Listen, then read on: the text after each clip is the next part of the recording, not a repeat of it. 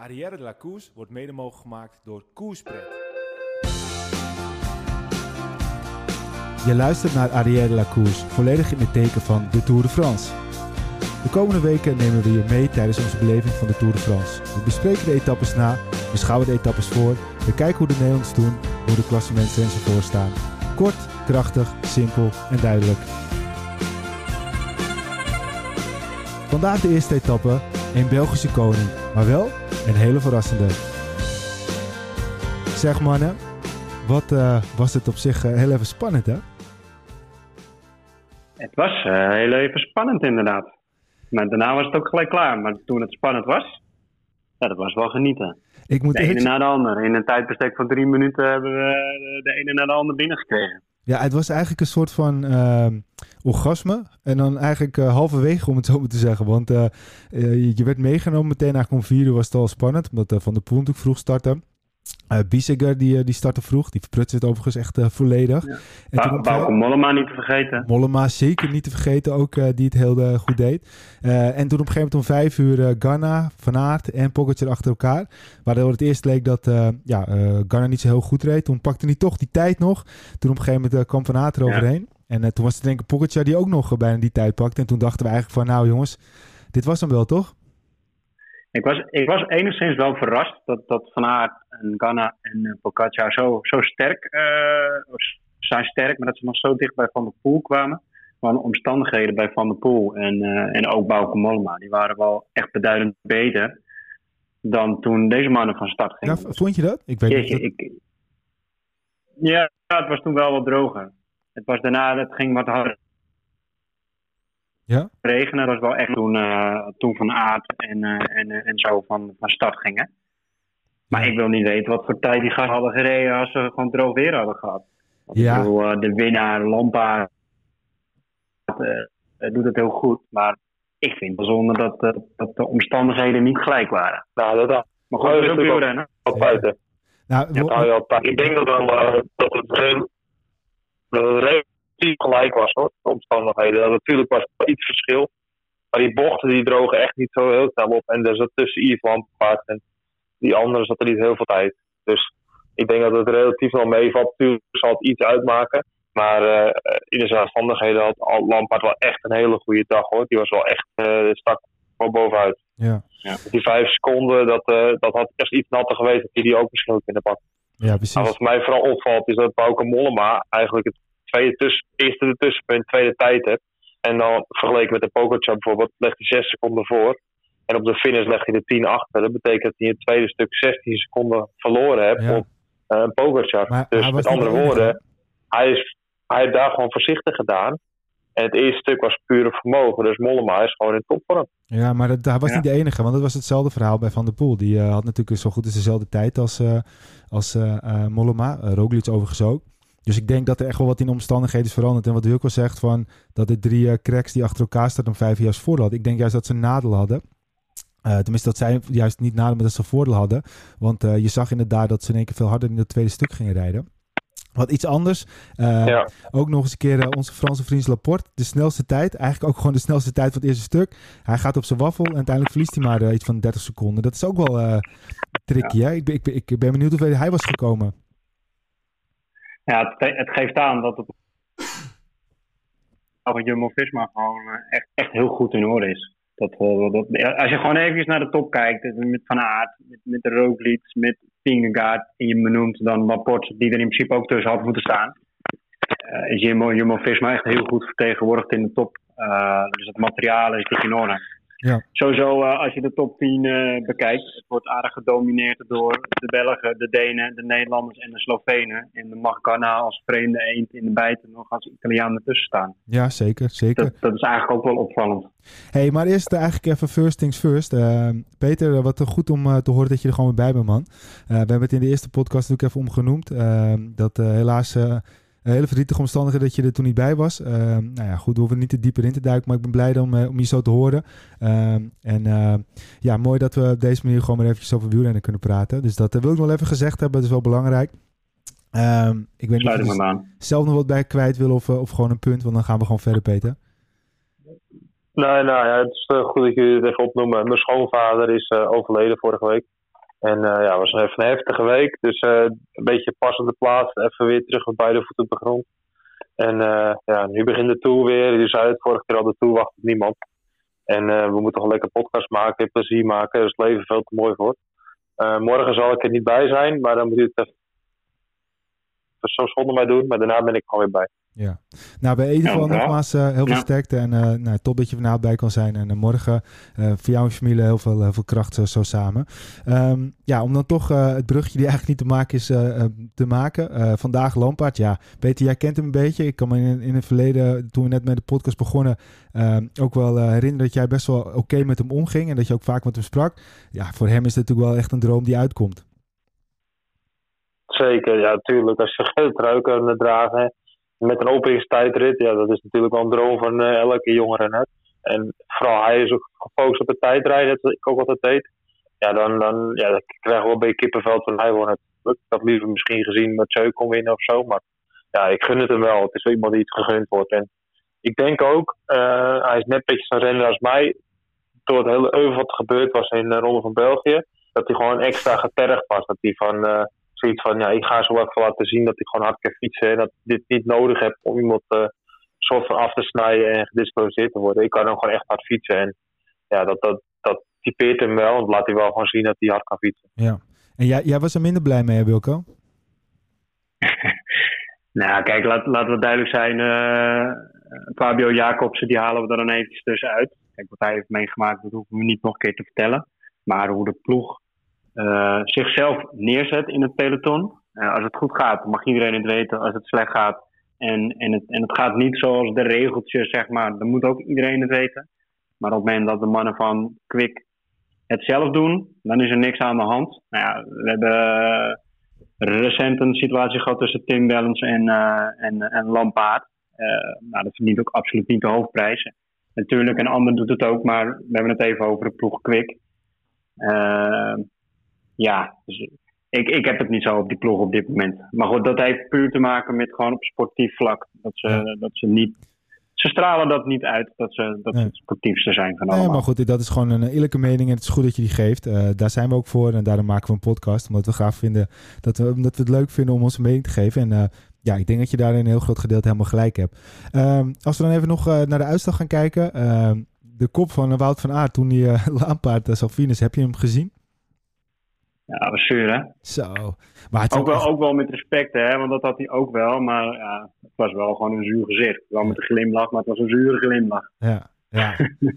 ja, ja en terecht ook. Hij, hij, was gewoon echt goed. Als je Pocaccia, als je, kan, als je die erop legt, die twee mannen. Dan kan het eigenlijk niet anders dan je wint. Als je gewoon afgaat op de laatste jaren de tijdritten. Nou ja, ja, goed, dat als je Lampaard hele... eroverheen komt, dat had hij absoluut niet verwacht natuurlijk. Als je gewoon de hele uh, top 10 kijkt met uh, uh, 1 dan Lampaard, 2 Van Aert, 3 Pogacar, 4 Ganna, 5 Van de Poel, 6 Pedersen, 7 Vingegaard, wat ik overigens verrast vond dat hij Roglic versloeg, 10 uh, of 9 Mollema en 10 Teuns. Ja, als je dan gewoon eigenlijk gaat kijken, dan is de Lampaard toch een beetje de vreemde eend in de bijt. Ja. kijk, Pedersen ik vind het niet verrassend hoor, dat Vingegaard Roglic verslaat. Nou, ik, ik, ik vertelde natuurlijk vandaag ook al in de podcast in Utrecht dat we de Tour in Utrecht starten. Dat, dat de Nederlanders die waren daar ook echt outstanding. Ze waren daar heel ja, goed. Zeker, zeker. Ik denk dat iedere Nederlander daar in de top uh, was gefinished. Ja, nu zijn we in Denemarken. Dus ja, on, ongeacht uh, hoe Vingegaard goede tijdrijder is, want dat staat buiten kijf. Buiten kijf je, je rijdt gewoon in je eigen land. Al dat publiek, je krijgt extra moraal, extra energie. Zeker. Je gaat gewoon net even harder. Ja, dat, dat helpt wel. En dat zie je ook aan Pedersen. Er staat ook niet voor niets in de top 10. Nou, die had het wel aangekondigd. Uh, ja, je Maar je hebt gelijkheid. Ze krijgen vleugels en ze worden door het publiek uh, gedragen. Hey, als we eventjes kijken naar uh, de Nederlanders. Van de Poel wordt dan vijfde. Mollema wordt negende. dan de, daarna is, even kijken... Uh, is Eekhoff, die ook redelijk goed rijdt op 47 seconden, wordt uh, 39ste. En tussen wordt 41ste. Uh, het enige wat mij een beetje, nou, niet tegenviel, maar ik dacht, nou, misschien probeert dit, is Van Balen. Kijk, op een gegeven moment zag je dus dat in diezelfde periode dat Lampaard dus de eerste tijd pakte, reed Van Balen ook. Ik dacht, nou, misschien gaat hij het wel doen, maar hij liet het eigenlijk echt volledig lopen, hè? Ja, dat was wel zonde, ja. Castro Viejo, die mocht wel. We hadden het er net nog even kort over. Dus ja, Van Balen mocht denk ik ook wel. Alleen Van Balen heeft er denk ik gewoon bewust voor gekozen om het niet te doen, om krachten te sparen. Ja. Of hij is nog niet zo goed, dat hij echt nog opbouwende is. Dat kan natuurlijk ook. Maar ik zelf denk dat hij gewoon echt uh, kracht heeft gespaard. Maar ja, voor ons Nederlanders is dat heel jammer. Want Van Balen is wel een, uh, een renner die ook gewoon vreselijk hard kan fietsen op tijdritfiets. Nee, hij wordt en die had zeker niet, we staan in die top 10. Ja. ja. Hij wordt uiteindelijk 144ste op uh, nou ja, ruim uh, 1 uur en uh, even kijken, 1 minuut 34. Dus ja, die heeft het gewoon echt laten lopen. Anders word je natuurlijk niet zo laag. Um, ja, kijk, weet je, aan de andere kant, de, de twee Nederlanders die we verwacht hadden, die staan allebei in de top 10. Dus ja, je zou bijna willen zeggen, wat wil je nog meer? Want ja, als je zulke goede resultaten hebt in een, in een door in de Tour. Ja, het is dat, van, dat Lampaard vandaag verrast. Het had dus ook zomaar kunnen zijn als uh, Van der Poel zich iets anders had ingezet uh, op een ander tijdslot. Maar dat is ook, geldt ook voor een Ghana en een uh, Van Aert. Kijk, het was natuurlijk een hele natte tijdrit. Dat betekent dat er een hele hoop verandert. Ik vind het wel veel leuk om aan Peter te vragen. Um, tijdrijden is natuurlijk gewoon logisch dat het het beste is als het droog is. Maar hoe ging jij er mee om als het nat werd? stelde je dan andere, ja, andere doelen of, of hoe ging je daarmee om? Nou, hangt er vanaf of het een etappekoers is natuurlijk, of gewoon een tijdrit zonder een NK bijvoorbeeld. Op een NK gaat iedereen 100%, omdat ze dan uit willen rijden. Maar op een dag met etappekoers, zoals nu, ik denk ook zeker dat de jongens zijn geweest die iets met een handremmer opgereden hebben, bijvoorbeeld de Vlasov of zo. Dat die denkt van ja, als ik op mijn kloten ga, verlies ik meer tijd dan ik iets meer zekerheid in de bochten inbouw. Wist dat leek ik een beetje te zien.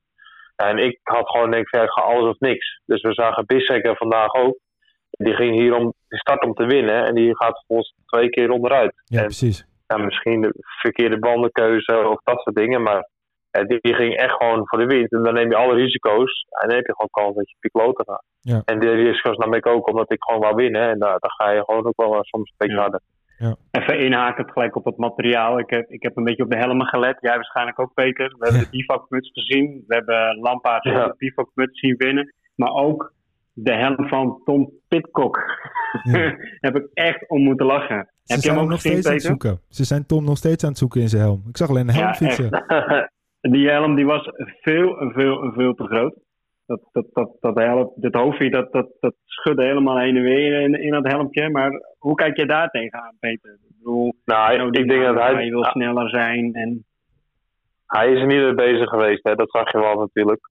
Maar uh, ja, als je zag gewoon de nieuwe helm, ja, Specialized die lanceert de nieuwe helm met een bivakmuts eronder. Hè, hoe Michiel het beschrijft, ja, dat hebben ze gewoon weer om de oren zeg maar weg te werken. En dan een soort van, in plaats van een harde schaal stof eroverheen te doen. Ja, ik vind het wel goed bedacht. Maar ja, ik vraag me dan gelijk af, wordt het gelijk een stuk warmer onder je helm? Daardoor is je daar weer misschien uh, meer vocht, weet je wel. Nou, op korte rit maakt dat minder uit. Ja, maar ja, Lampaard heeft natuurlijk... Lamp, heeft dus bewust gekozen om het niet te doen. Omdat hij bang was waarschijnlijk om te stikken of zo. Maar uh, ja, als je kijkt naar Pitcock, die is niet mee bezig geweest. Maar je ziet ook dat Ineos een nieuwe helm heeft gelanceerd. Met een nieuw ding op de vizier van de helm. Dat de wind net iets anders gaat breken. Ja. je kan een vergif innemen dat andere teams dat uh, dit jaar nog gaan testen in de wind. En dan kijken of, uh, of daar dingen te halen zijn. Ja, wat ik het mooiste vond is dat... Nee, het werd er niet mooi. Maar wat ik dan wel het mooiste vond is dat uh, uiteindelijk Lampaard uh, de enige was die uh, nou ja, van alle teams die met Specialist reden, niet met die bivakmuts reed. En die won. Dus ja, dat vind ik eigenlijk wel point, ja. point made. Dus dat, dat is al je altijd net zien. Nou, dus, vanuit dat perspectief moet je afvragen of de team dus de windtunnel ingaan. Want Lampaard bewijst dat het niet werkt. Nog ja, niet werkt. Precies. ja, er kunnen meerdere dingen zijn. Hè? Als je bijvoorbeeld iedereen één helm krijgt en die van hem die breekt bijvoorbeeld een bandje af, wat een soort van prototype is. En dan pakt hij een oude helm. Dat zou kunnen natuurlijk. Hè. Dus je weet niet precies wat er gebeurt. Nee, nee dat is waar. Ja, hey, als we even naar de klassementsrenners kijken. Uh, nou, dan uh, hebben we in eerste instantie natuurlijk Pogacar die meteen al uh, ja, vooraan staat. En meteen al toch een aantal seconden pakt op een uh, Vingegaard en Roglic. Dan hebben we, als we iets verder kijken in Adam Yates, die het toch goed doet. Dan als, je, als je voor de, de top 10 gaat, is hij de vierde klassementsrenner. Kijken we iets verder naar de Traknik, naar de Thomas. En Cataneo en Vlasov, dat allemaal toch dicht bij elkaar zit. Zijn er niet echt uh, bij, dat, bij die namen uh, die dan heel veel tijd verliezen. Maar als we dan kijken naar een O'Connor, die toch uh, verwacht wordt met een heel goed resultaat. Ja, en Mas, nou Mas hadden we al gezegd, maar zo'n O'Connor die zakt wel echt ja, flink door het Deense ijs, om het zo maar te zeggen. Ja, maar die heeft waarschijnlijk ook wel echt angstig gehad op het parcours. Die heeft ook inge ingehouden gereden. En dat was wat Peter net zegt je, moet dat kunnen, hè, tussen, over een nat wegdek. Je moet die bochten durven nemen. Je moet over die witte vlakken durven gaan. Ja, Precies. waarschijnlijk heeft hij dat niet maximaal kunnen doen. Ja, dat heeft hem gewoon heel veel tijd gekost. En dat, dat is zonde. Ja. Ja. Maar aan de andere kant, dit is wielrennen. Eh, mooi weer moet je kunnen, slecht weer moet je kunnen. Eh, je moet al die terreinen moet je gewoon onder controle hebben. Wil jij de perfecte klassementsrenner zijn? Nee, maar dat, En, is, eh, dat, is, Precies. dat is helemaal eens. Hey, als we dan eh, meteen eh, het bruggetje maken naar de etappe van morgen. Drie kleine venijnige nou, klimmetjes kan je die noemen. Maar voor de rest ja, 200 kilometer ruim vlak tussen Roskilde en Nieborg. Misschien kans op Weijers. Ehm, ik ben even benieuwd naar, naar jullie top drie van morgen. Dan begin ik even bij Wilco. Nou, misschien. Ik, ik, ik denk dat er hoe dan ook is gaan komen. Omdat we niet. Uit verschillende hoeken gaan we open vlakken krijgen. Dus niet alleen de brug, maar we hebben ook nog een ander terrein waar de wind wel dan vanaf de zijkant eh, schuin van achter kan komen. Ja, Dus er zijn zeker wel kansen op, eh, hele grote kansen op weiers. En die zitten dan ook echt in de slotfase van de etappe. Ja. Dus ik vind het heel moeilijk om te zeggen wie er gaat winnen. Eh, Quickstep is over het algemeen heel sterk hè, met waaieretappes. Van eh Jumbo-Visma is heel sterk met waaiersetappen. Dus ik denk toch wel dat de winnaar uit een van deze twee ploegen gaat komen. Maar, maar noem maar eens drie, drie en als er dan gesprint... eh, drie namen, denk ik eh Jacobsen, Van Aert en eh, Van der Poel. Oké, en jij Peter? En ik benoem Van der Poel omdat hij het gewoon leuk vindt om te spelen. Ja, dat snap ik, dat snap ik. Geen Deen. Nee. Peter, Ik, ik, ik wou ook dat zeggen, maar zeg ik Groenewegen, Jacobsen en Woutsenaar. Oké, nou dan doe ik iets eigenwijs. Ik zeg Van Aert. Eh, dan zeg ik een Deen om toch een beetje Deense wielrennen van Wilco aan te zwengelen. En dan als eh, derde, eh, eens even denken. Dan denk ik niet, Welke Deen? niet, niet Jacob. Wat zeg je? Nee, dan heb ik dus eh, Van Aert, Pedersen de Deen. En dan eh, als, Pedersen. derde, Ja, als ja. derde zeg ik... ja, lastig. Even denken. Ja, dan zeg ik toch Groenewegen. Omdat hij erbij zit. En Jacobsen denk ik dat hij... nou ja, ik hoop dat hij wint. Maar ik denk het morgen niet. Maar we gaan het zien, Ja. jongens. Ehm, nou, Nou dit- goed, ik heb net windvijner even gecheckt, maar op de brug ziet het er nog niet heel veel beloofd uit. Dus we moeten het echt hebben van de stukken ervoor. Ja. En hopen dat moeder natuur eh, morgen eventjes gekke dingen gaat doen en dat de wind toch nog gaat draaien. Dat zou toch wel eh, ideaal zijn.